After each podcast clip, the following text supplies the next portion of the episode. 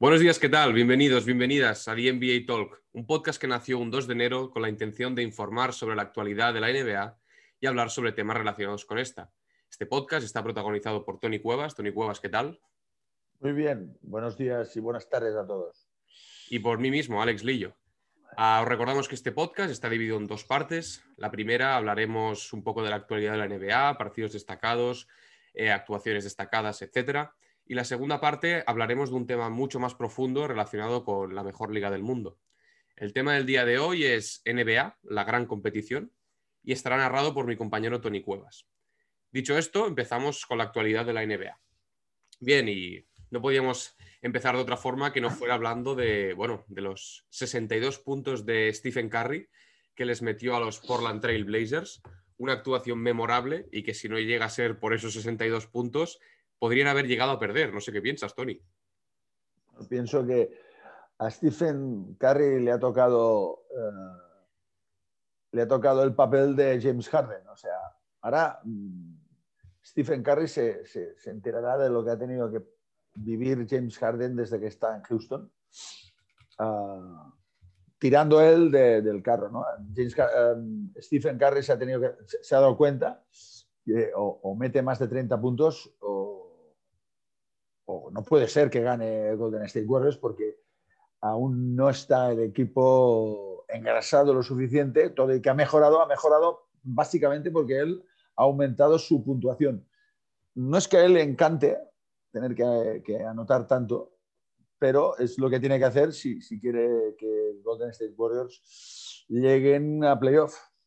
Claro, y encima fue porque los Portland Trail Blazers no jugaron un mal partido, metieron 122 puntos con 32 de Damian Lillard y 28 de CJ McCollum.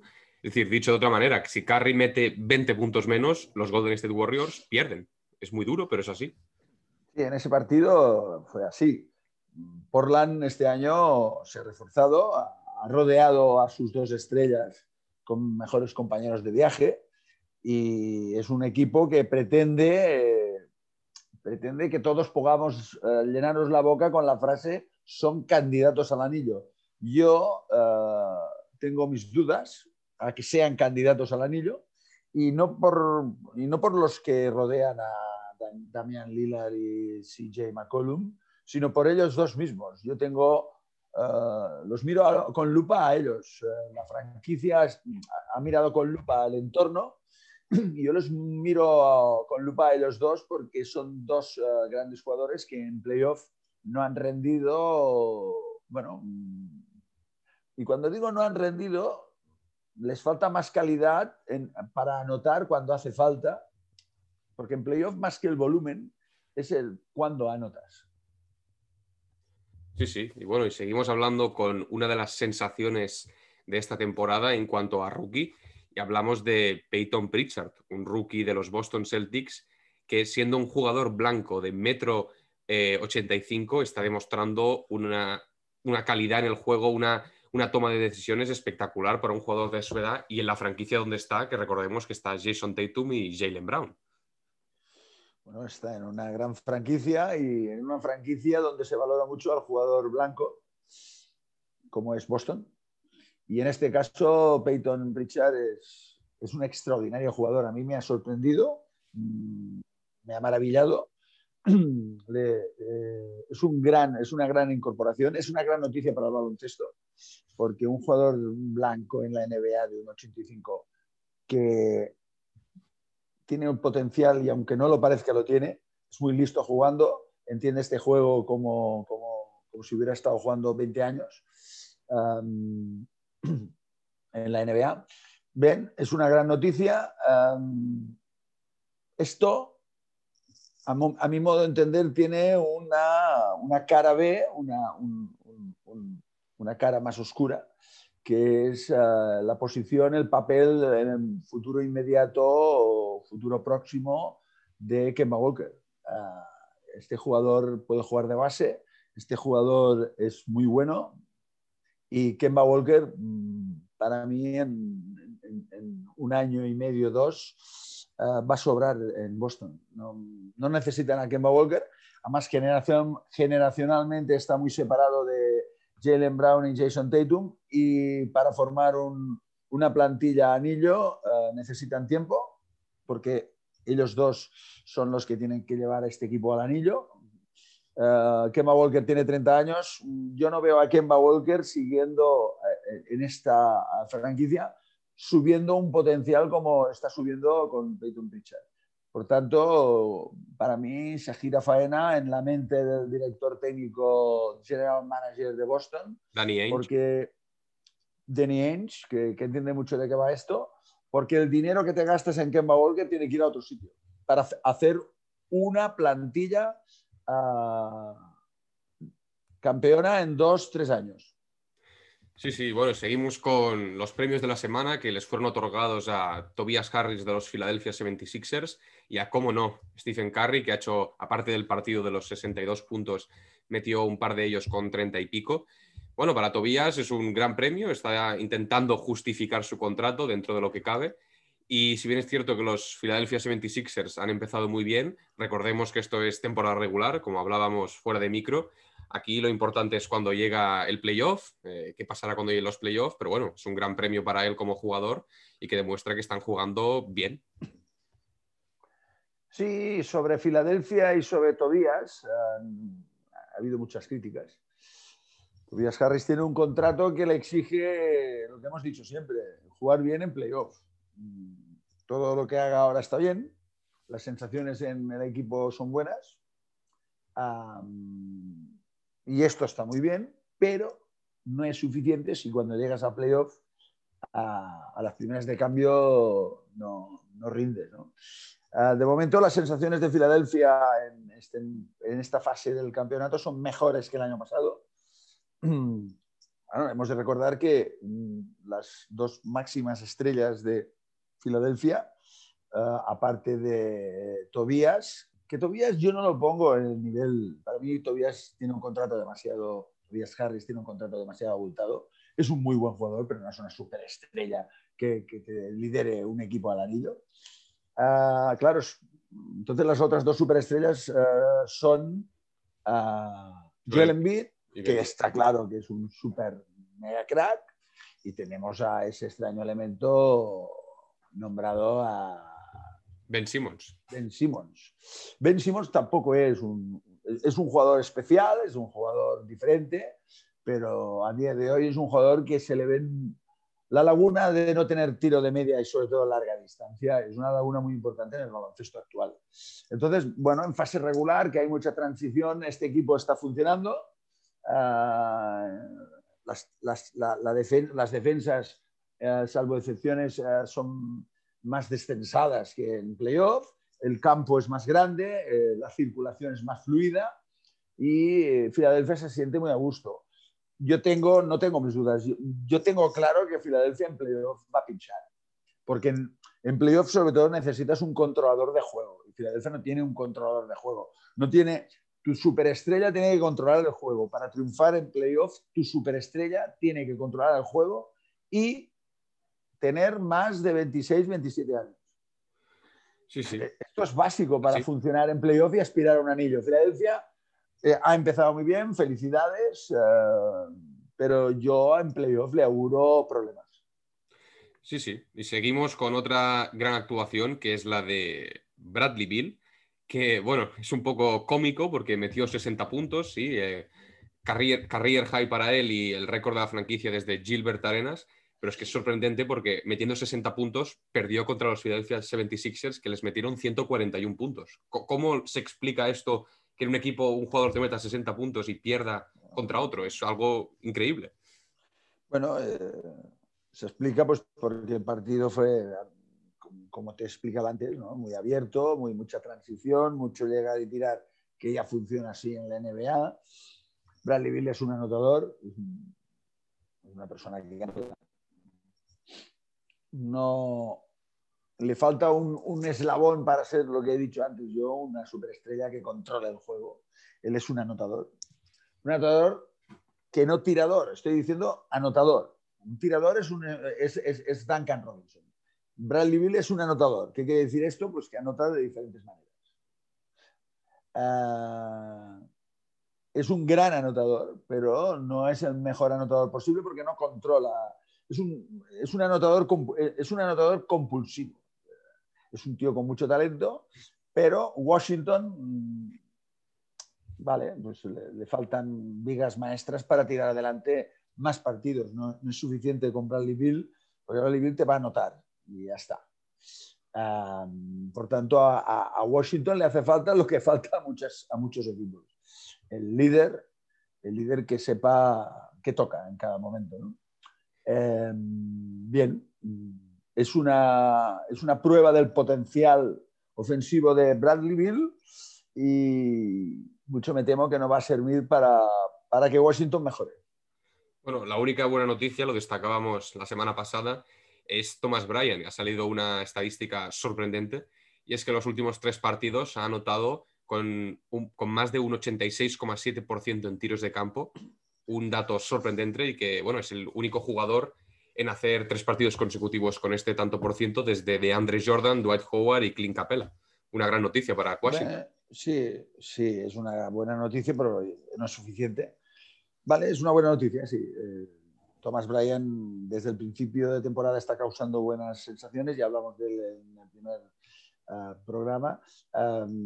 él está haciendo lo que le toca, está creciendo, está trabajando y, y, va a aumentar sus prestaciones, pero en clave Washington esto no es suficiente. Sí, sí, y bueno, seguimos con, como tú comentabas anteriormente, con Duncan Robinson, un jugador que, bueno, como tú decías, es un tirador excelso y ha conseguido llegar a la friolera cifra de 300 triples en 95 partidos, récord absoluto de la NBA, por delante de Damian Lillard y Luka Doncic, que lo consiguieron en 117 partidos. Y esto demuestra que este jugador, bueno, eh, te puede matar, te puede meter tres triples en un minuto. Sí. Y esto lo desarrollaremos en otro episodio, en otro programa pero eh, el especialista en la NBA eh, está en crisis. ¿Qué quiero decir con esto? Pues quiero decir que ser especialista en una cosa, en un aspecto del juego, es cada vez más insuficiente. Dicho de otra manera, es importantísimo que los jugadores sean muy polivalentes, que sean muy amplios en sus funciones, porque tal tal y como se está desarrollando el juego, eh, el jugador polivalente es el, jugador pues, más valorado, el jugador más, que, cobra más dinero y el jugador que, a la postre es más importante para, ganar campeonatos. Duncan Robinson es un tirador, es un tirador eh, excelso, buenísimo, eh, de dos metros, no olvidemos que mide dos metros. Por tanto, dicho todo lo que he dicho anteriormente, eh, tiene que aumentar sus prestaciones, se ha de convertir en, ha de ser tirador y se ha de convertir en más anotador, o sea, que anote desde más posiciones, porque si tiene dos metros, porque, porque también no anota de espaldas a básquet de vez en cuando, el bote no lo utiliza, es un tirador tipo JC Carroll aquí en Europa, es el típico tirador que vive de, su tiro de tres y la finta de ese tiro y el tiro de aproximación. Mm, vale, está muy bien, pero eh, este tipo de Los especialistas lo tienen, lo tienen crudo en la evolución del baloncesto, en la NBA. En Europa no, ¿eh? en la NBA. Sí, sí, seguimos bueno, con el famoso virus que está azotando eh, la humanidad entera. Y es que Seth Curry, jugador de los Philadelphia 76ers, dio positivo por COVID hace un par de días y a día de hoy se está esperando aún las pruebas de el, equipo entero, porque no se sabe si ha habido contacto, estrecho y no sabemos qué pasará con Filadelfia, debido a que juegan esta noche a las 9 horas española contra eh, los Denver Nuggets. Y bueno, esta pandemia nos sigue azotando, es una lástima, pero bueno, es lo que hay y es el protocolo que se debe seguir. Sí, eh, las primeras semanas la NBA había sorteado bastante bien el tema. Esta última semana la cosa ha caído en picado. Recordemos que también tenemos a Kevin Durant, que no lleva tres o cuatro partidos sin jugar, por estar en contacto. Bueno, es, así, eh, a ver cómo lo afronta una organización tan disciplinada y tan, tan buena como no es la NBA, un, problema de esta magnitud. Esperemos que la cosa no vaya más y podamos seguir ah, disfrutando del, devenir de, la competición que, que, tanto nos gusta y más en un momento de nuestras vidas donde podemos salir tan poco y tenemos que estar más en casa de lo habitual, el hecho de que podamos ver NBA pues es, es un bálsamo. Sí, sí, bueno, y seguimos con un partido que hemos tenido un poco destacado esta noche, que ha sido los Charlotte Hornets contra los New Orleans Pelicans, y es porque ha enfrentado por primera vez en sus carreras en la NBA a la Melo Ball y Alonso Ball. El partido ha salido victorioso para los Charlotte Hornets y encima, como para destacar, a la Melo Ball se ha quedado a una asistencia de ser el jugador más joven en conseguir un triple doble. Bueno, es una anécdota a comentar, pero bueno, es un chico que tiene futuro por delante. Sí, eh, la Melo Ball, pues eh, de la famosa familia de los Ball. Eh, tanto él como Lonzo Ball son, buenos jugadores y puede que a la Melo que mm, haya más expectativas sobre él, pero yo los veo muy, mucho más similares de lo que parece. Sí, no soy muy amante de los récords precoces. Los récords precoces para mí son anecdóticos. Me gusta ver la evolución de los jugadores. bien, la Melo Ball ha entrado con buen pie en la NBA, eso ya es importante. El hecho que haga más o menos récords, como tú has dicho, es, eh, está en el, terreno de las anécdotas, porque no por mucho madrugar amanece más temprano y, que lo hagas más rápido que otros no quiere decir que a la postre llegues más arriba. ¿no? pero bueno, bien, ha entrado con muy, bien, muy buen pie. Eh, es aire fresco que la NBA va, recibiendo cada año de los jugadores que llegan del draft y Lamelo Ball es uno de los representantes de este aire fresco. Ah, el partido en sí fue un partido pues entretenido porque Charlotte y, y, Pelicans son, son equipos ah, molones. molones, molones y que, y que disfrutan. Y digo Charlotte y, alguien que no esté muy metido este año en la NBA dirá, ostras, Charlotte.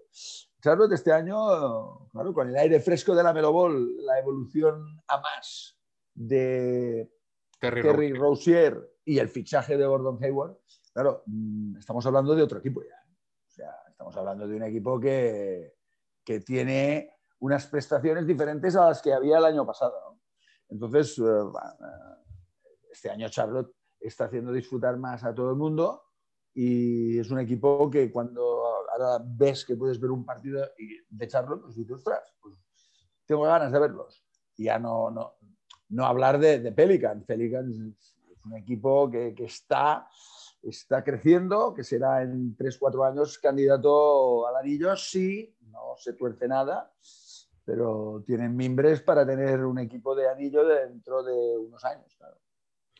Sí, sí, y seguimos con, bueno, se ha publicado ya la primera lista, la primera lista para los candidatos del MVP y es un, increíble que la lista, eh, bueno, el primer jugador es LeBron James, el segundo Luka Doncic, el tercero Paul George y bueno, de la, de la lista es importante destacar la aparición de Domantas Sabonis, que está haciendo unos buenos números, pero bueno, yo quiero destacar sobre todo LeBron James. Ha empezado, lo comentábamos el otro día, fuera de micro, ha empezado la temporada no andando, pero no a su nivel máximo y aún así es candidato número uno a ganar el MVP esta temporada a día de hoy. Es muy fuerte. No sé qué piensas.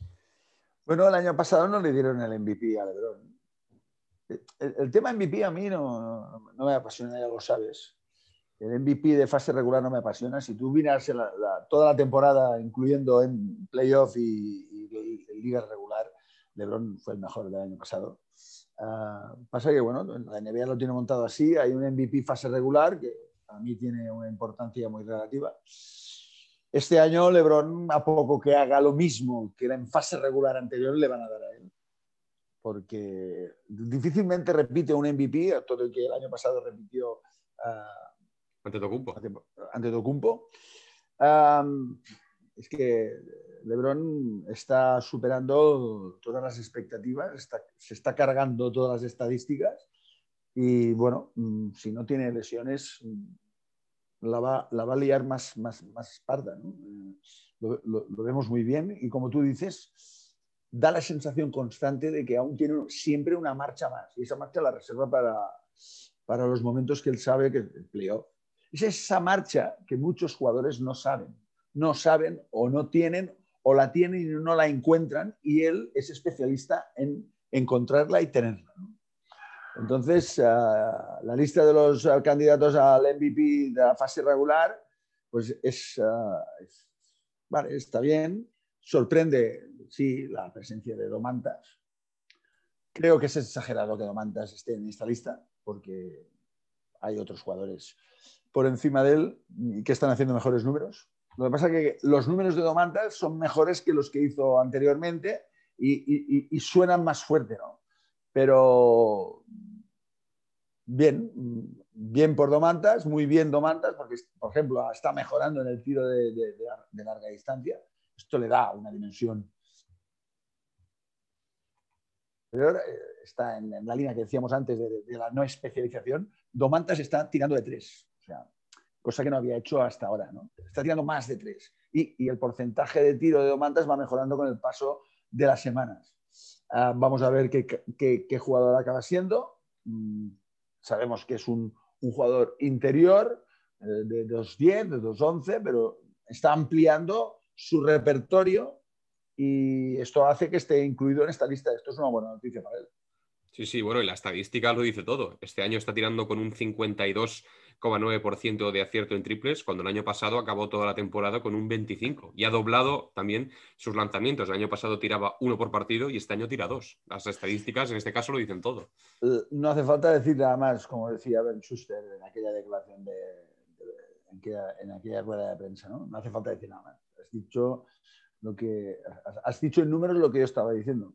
Eh, y, y la criatura sigue creciendo porque estamos en edad que, que sigues creciendo. Los jugadores van mejorando. Su, top, su top es alrededor de los 30 años.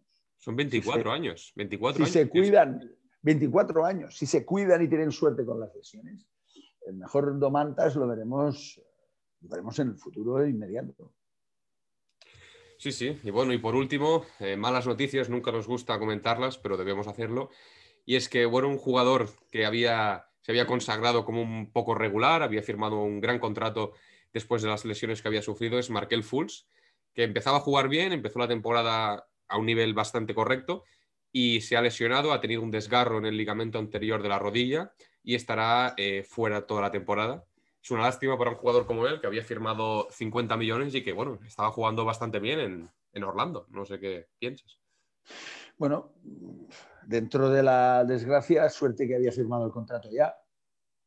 Es mejor que te pase esto cuando ya has firmado el contrato, cuando estás a punto de firmarlo.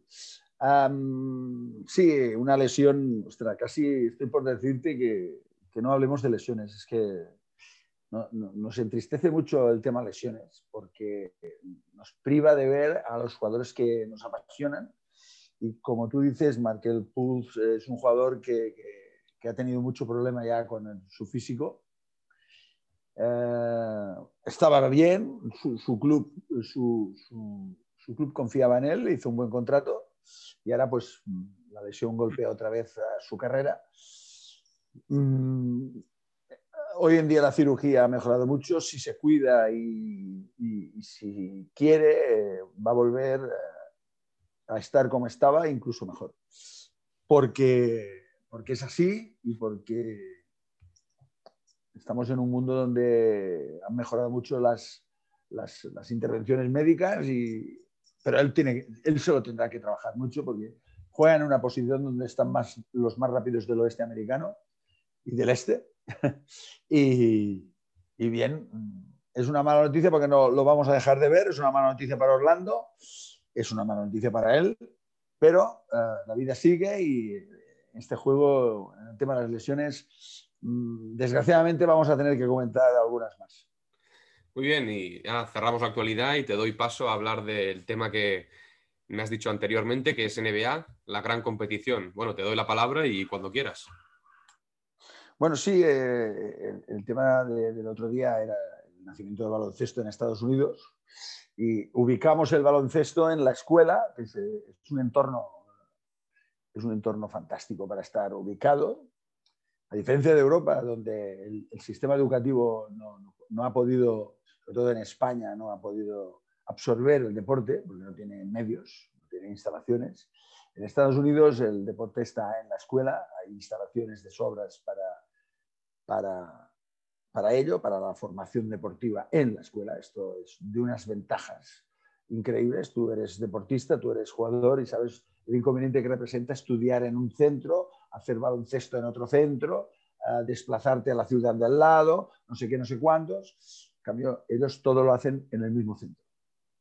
Claro, estamos en, en, América, esto es Estados Unidos, y enseguida la visión empresarial de la gente que habita en este país, eh, pasada la guerra, la, Segunda Guerra Mundial, eh, empresarios que se, se, dedicaban al mundo del deporte deportivo, el mundo del negocio deportivo con el boxeo y con el hockey sobre hielo, dijeron, ostras, necesitamos otro deporte para eh, llenar nuestros pabellones. Necesitamos un impulso económico a nuestras instalaciones deportivas. Entonces pensaron en ese deporte que se inventó, que estaba en la escuela y que estaba, eh, estaba desarrollándose en campeonatos eh, minoritarios. Pensaron en montar un negocio alrededor del baloncesto, como ya tenían con el hockey sobre hielo y con el boxeo, por ejemplo. Entonces surgió la NBA, que era pues la unión de dos competiciones eh, sectoriales que existían como la NBL y la BAA. Entonces, mm, bueno, se unieron, montaron la NBA porque creyeron en el baloncesto como un negocio. Y este es el espíritu de la NBA, un negocio alrededor del baloncesto. Esta, e, e, esta NBA nació en el 1949 y desde esa fecha han pasado cosas, evidentemente. En el año 1967 aparece la ABA, otra competición. Esto en el ser humano es habitual. Hay una competición en Estados Unidos y aparece otra competición. Vale, entonces estuvimos nueve años, Estados Unidos estuvo nueve años compaginando NBA y ABA. Al final se impuso el sentido común, la NBA absorbió la ABA y a partir de entonces la NBA ha ido creciendo, sobre todo evolucionando. Primero la NBA era una competición de blancos, entraron los afroamericanos, que hablamos en el episodio anterior del tema afroamericano en Estados Unidos, y con el paso de los años la NBA se ha convertido en una competición global. Han entrado los europeos, los, jugadores de todo el mundo. O sea, mm, se ha visto que, lo que necesita una competición son los mejores mm, allí donde estén. Claro, el básquet europeo en los años 60, 70 estaba muy por debajo del americano y americano se fijaba en Europa.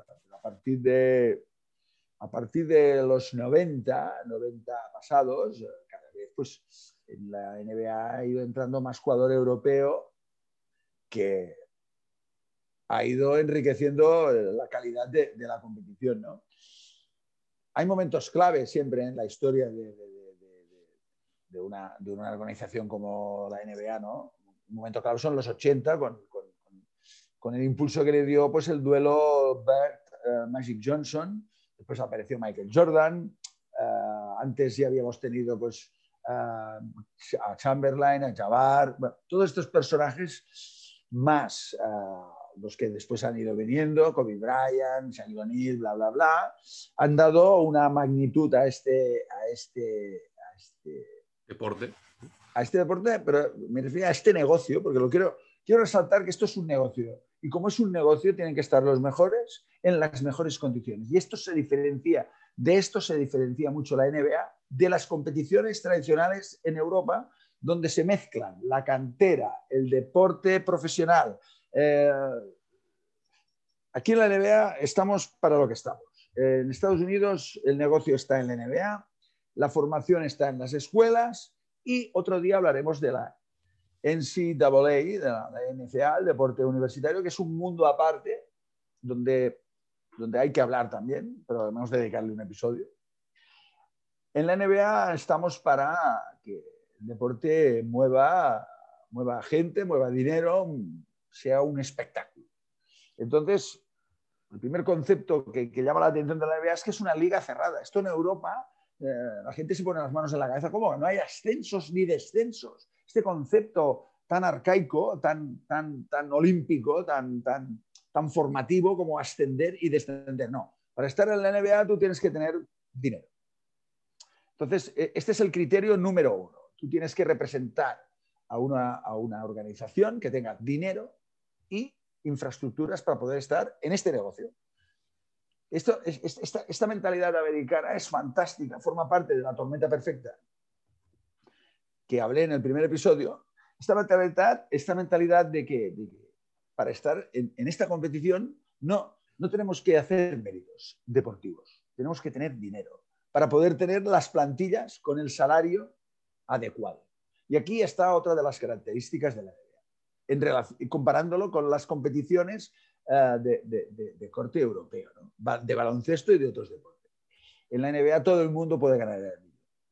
Todo el mundo tiene posibilidades de tener a los mejores jugadores. El sistema del draft posibilita que los peores equipos de cada temporada puedan tener al mejor jugador uh, de las universidades y del resto del mundo, porque al final en el draft van apareciendo jugadores también del resto del mundo. Por tanto, tenemos a, un, a una competición que tiene a la universidad como su, uh, como su cantera y el resto del mundo también es cantera de la NBA, el Fútbol Club Barcelona, el Real Madrid, eh, los equipos uh, serbios, croatas, todo el mundo es cantera de la NBA.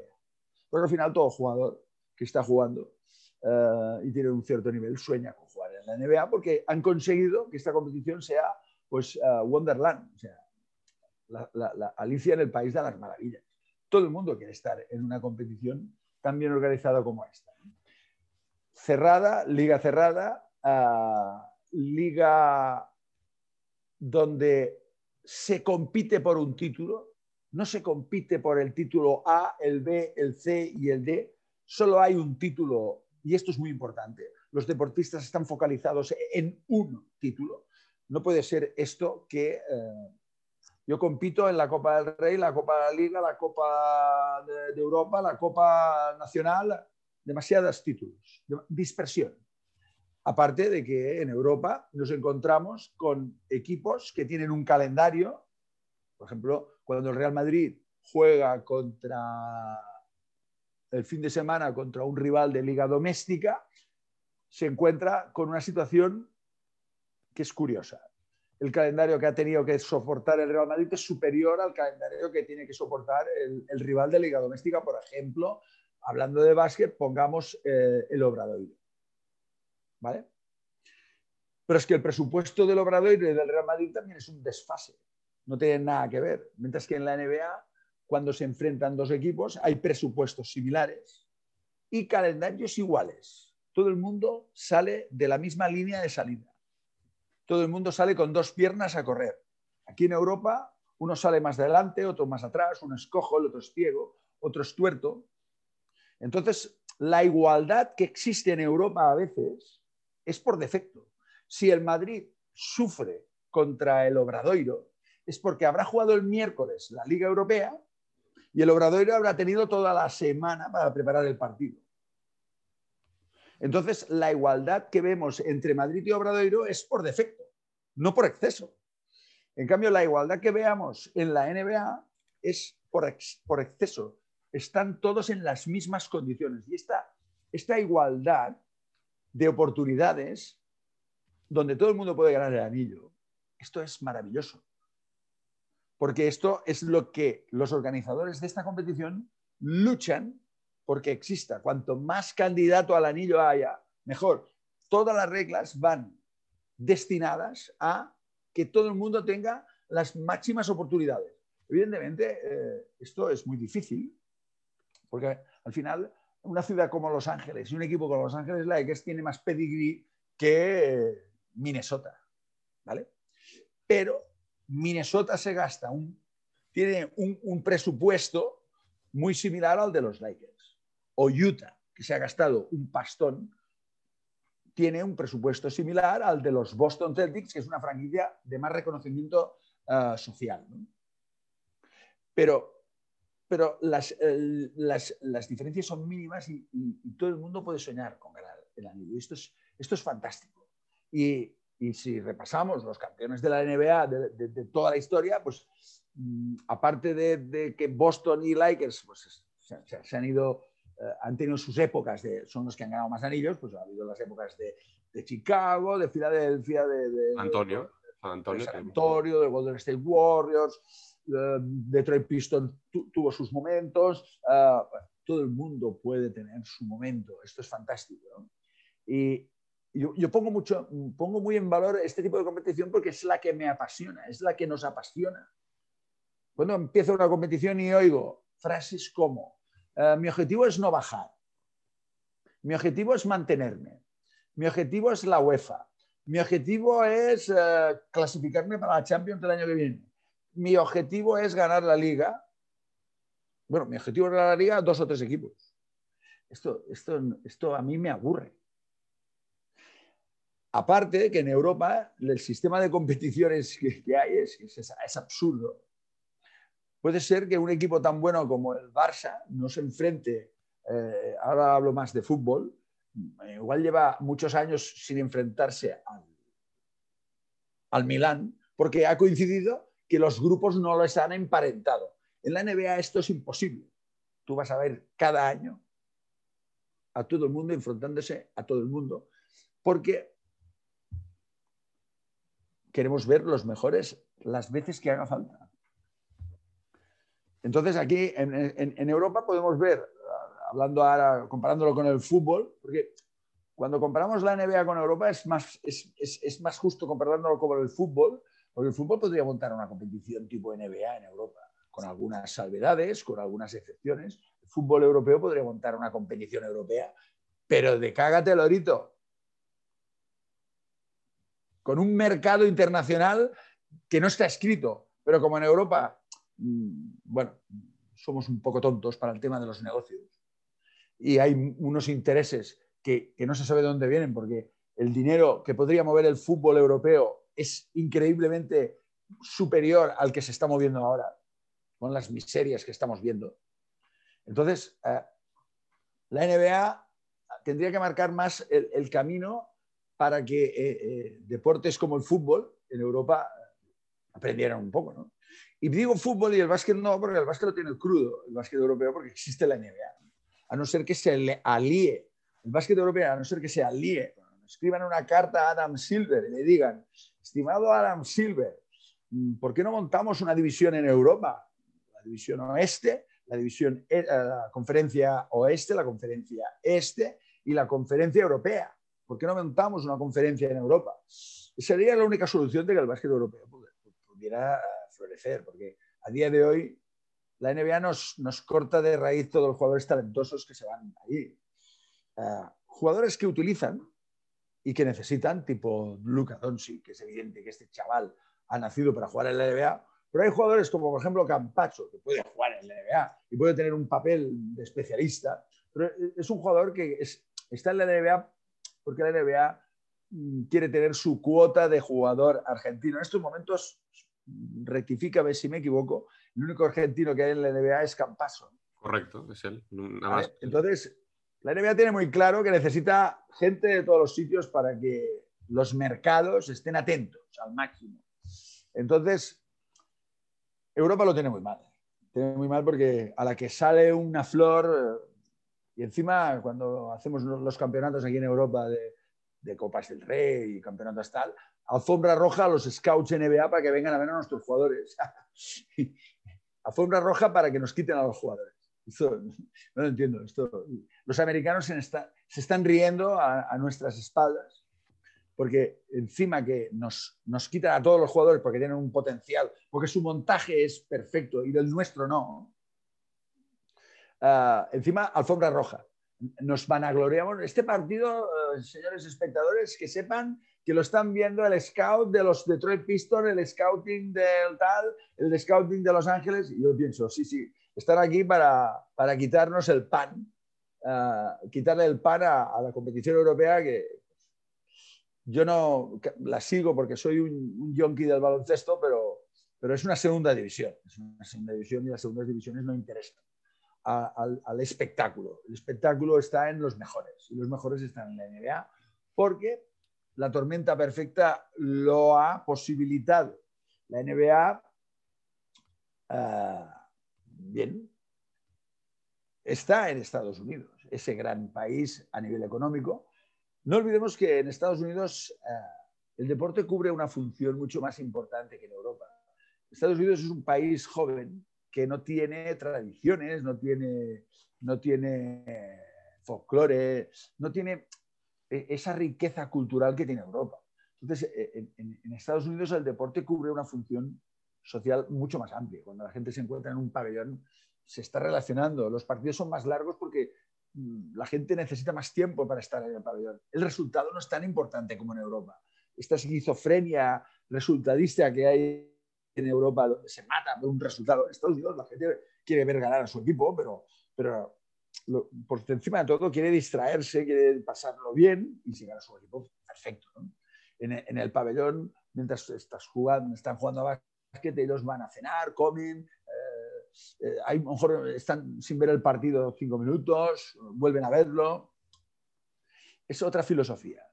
Em, bien, y voy acabando sobre el tema NBA. Hay un factor en Estados Unidos y con la NBA, que es, sorprendente. Ah, en Europa las competiciones empiezan y acaban el mismo momento. Septiembre, mayo, junio. Handball, septiembre, mayo, junio. Baloncesto, septiembre, mayo y junio. Fútbol, septiembre, mayo y junio.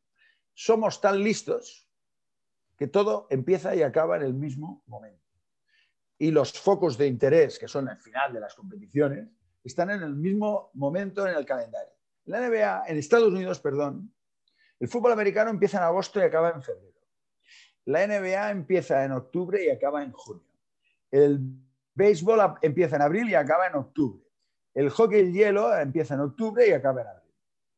Y el soccer, que no es una competición importante allí, el fútbol europeo, que allí lo llaman soccer, empieza en marzo y acaba en diciembre. Esto es de una inteligencia importante. El consumidor de deporte lo puede ver todo.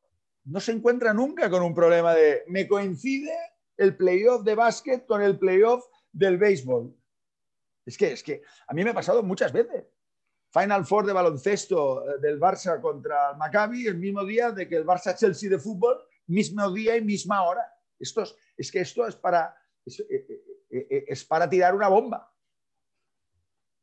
Entonces, en la NBA, perdón, en Estados Unidos esto es así, se han puesto de acuerdo porque, claro, el, espíritu comercial de todo es muy claro. Tenemos que ganar dinero, no nos podemos machacar los unos con los otros.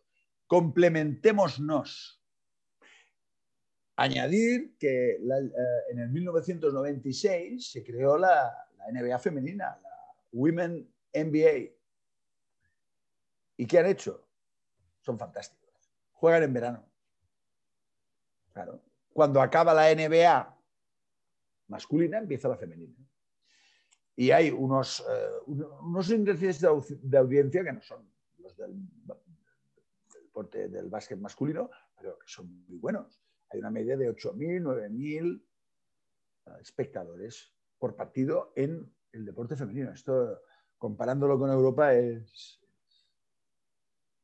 es difícil, pero esto se consigue, aparte de que estamos en el, país más adecuado para un espectáculo deportivo, se consigue poniendo la competición en un momento donde no tengas que decidir entre ver un partido de básquet femenino y un partido de básquet masculino. Entonces, este, esto, esto les, diferencia mucho a ellos de lo que pasa en Europa, que todo empieza y acaba en el mismo momento. Entonces, bien, ah, la NBA es un, espectáculo, es un gran negocio y en parte, y en parte y en todo, es por todos estos motivos. Las características ah, del país, las características de la competición, del negocio, eh, la separación básquet formativo, básquet espectáculo. Esto es muy importante. La formación y el espectáculo son dos cosas totalmente diferentes. No tenemos que eh, criticar a un entrenador, ¿os imagináis? criticar a un entrenador, ostras, este entrenador no saca al jugador de la cantera, vaya chorrada. Vaya chorrada. Es que el entrenador del Pablo Lasso no saca a Locen. Porque es de la cantera, bueno, no es de la cantera, es de, de Zaragoza. No saca a Osman Garuba eh, y es un canterano que tiene que jugar porque tenemos que sacar a los jugadores de la cantera. Vaya chorrada. Si estamos en un negocio espectáculo, si estamos en una competición donde tenemos que ganar y tenemos que hacerlo bien, juega el que tenga que jugar. El que llegue al equipo tiene que estar preparado. Tenga 20 años o 21 o, 35, o 36. Entonces, en, Estados Unidos se, se, separa mucho esto. Nadie criticará al entrenador tal de, de, de, tal franquicia porque no saca al jugador de 20 años porque ese jugador no es de la cantera. Todos vienen de donde vienen. No hay una unión y esto es muy importante entre el, deporte formativo y el deporte espectáculo. Son, son dos historias. Es como si en una multinacional la multinacional X diga, no, es que no fichan a, jugador, a trabajadores de la universidad tal. No. Entonces, eh, la NBA tiene estas características que la hacen casi perfecta. Y digo casi porque perfección no existe, pero es un, un, un, sistema de competición, un, un montaje maravilloso, donde todo ves que funciona a la perfección. Uh, y, bueno, no hay manera que, sobre todo el mundo del fútbol europeo, intente imitar, en, en, no exactamente, porque Europa no es Estados Unidos, ¿vale? adaptándolo al, pero sí copiar mucho más, porque se están perdiendo pues, una posibilidad de negocio muy grande. Y interés. Yo el fútbol no me interesa por culpa de... A mí no me interesa un Barça-Getafe, con todos mis respetos para los de Getafe.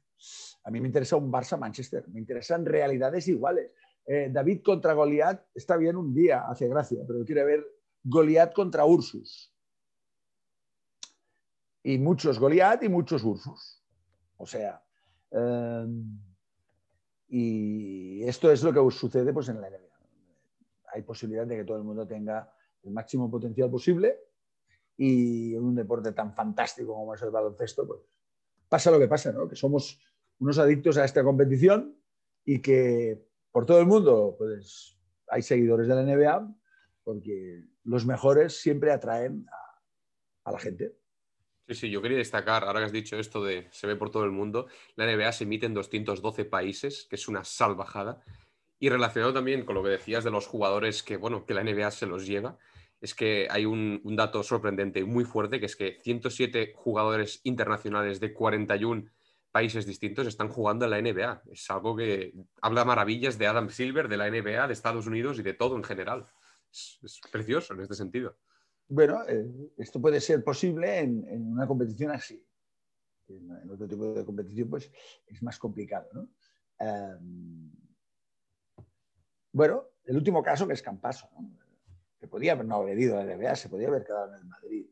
Uh, pero él quiere ir a la NBA y quiere ir a la, un, un, un, jugador que era el líder, el jefe de un equipo de renombre europeo como es el Real Madrid, prefiere ir a la NBA a ver qué pasa, sin tener claro lo que le va a pasar, con un sueldo, comparándolo con nuestros sueldos, es muy elevado, pero en un sueldo en la NBA bajo, ha preferido ir a la NBA como un reto personal, ha preferido ir a la NBA como todo y jugándosela lo más probable es que su papel sea secundario.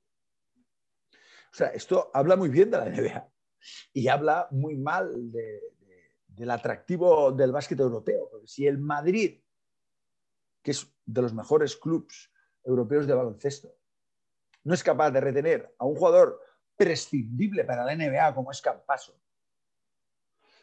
que no quiere decir que no pueda jugar en la NBA, pero es prescindible. Es un jugador que si no va a la NBA nadie dirá, ¿cómo es que este no va a la NBA? No, es un caso diferente, por ejemplo, al de, Luka Doncic o otros jugadores. ¿no? Entonces, bueno, eh, este es el éxito de la NBA. Todo el mundo quiere estar en la NBA. Y bien, por eso, por eso estamos aquí nosotros también, porque nosotros también, de, de, en cierta manera, haciendo este programa estamos viviendo en la NBA porque es, es, nuestro sueño, es, nuestra, nuestro Alicia en el País de las Maravillas. Nuestra pasión. Cuando soñamos, soñamos que estamos allí.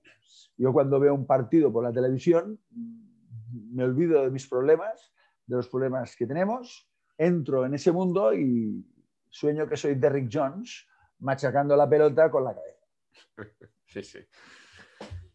Sí, sí, pues bueno, muy bien. Muchas gracias, Tony. Amigos, amigas, este episodio ha llegado a su fin.